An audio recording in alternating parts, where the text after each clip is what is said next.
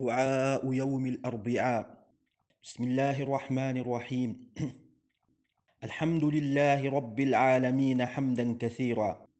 الذي استوجب علينا أن نحمده ونشكره ونعبده.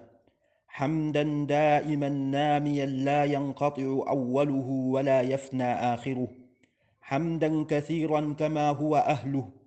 اللهم استر عني العورات واصرف عني المكروهات.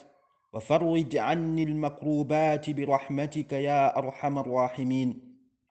وصلى الله على خير خلقه محمد وآله وصحبه أجمعين.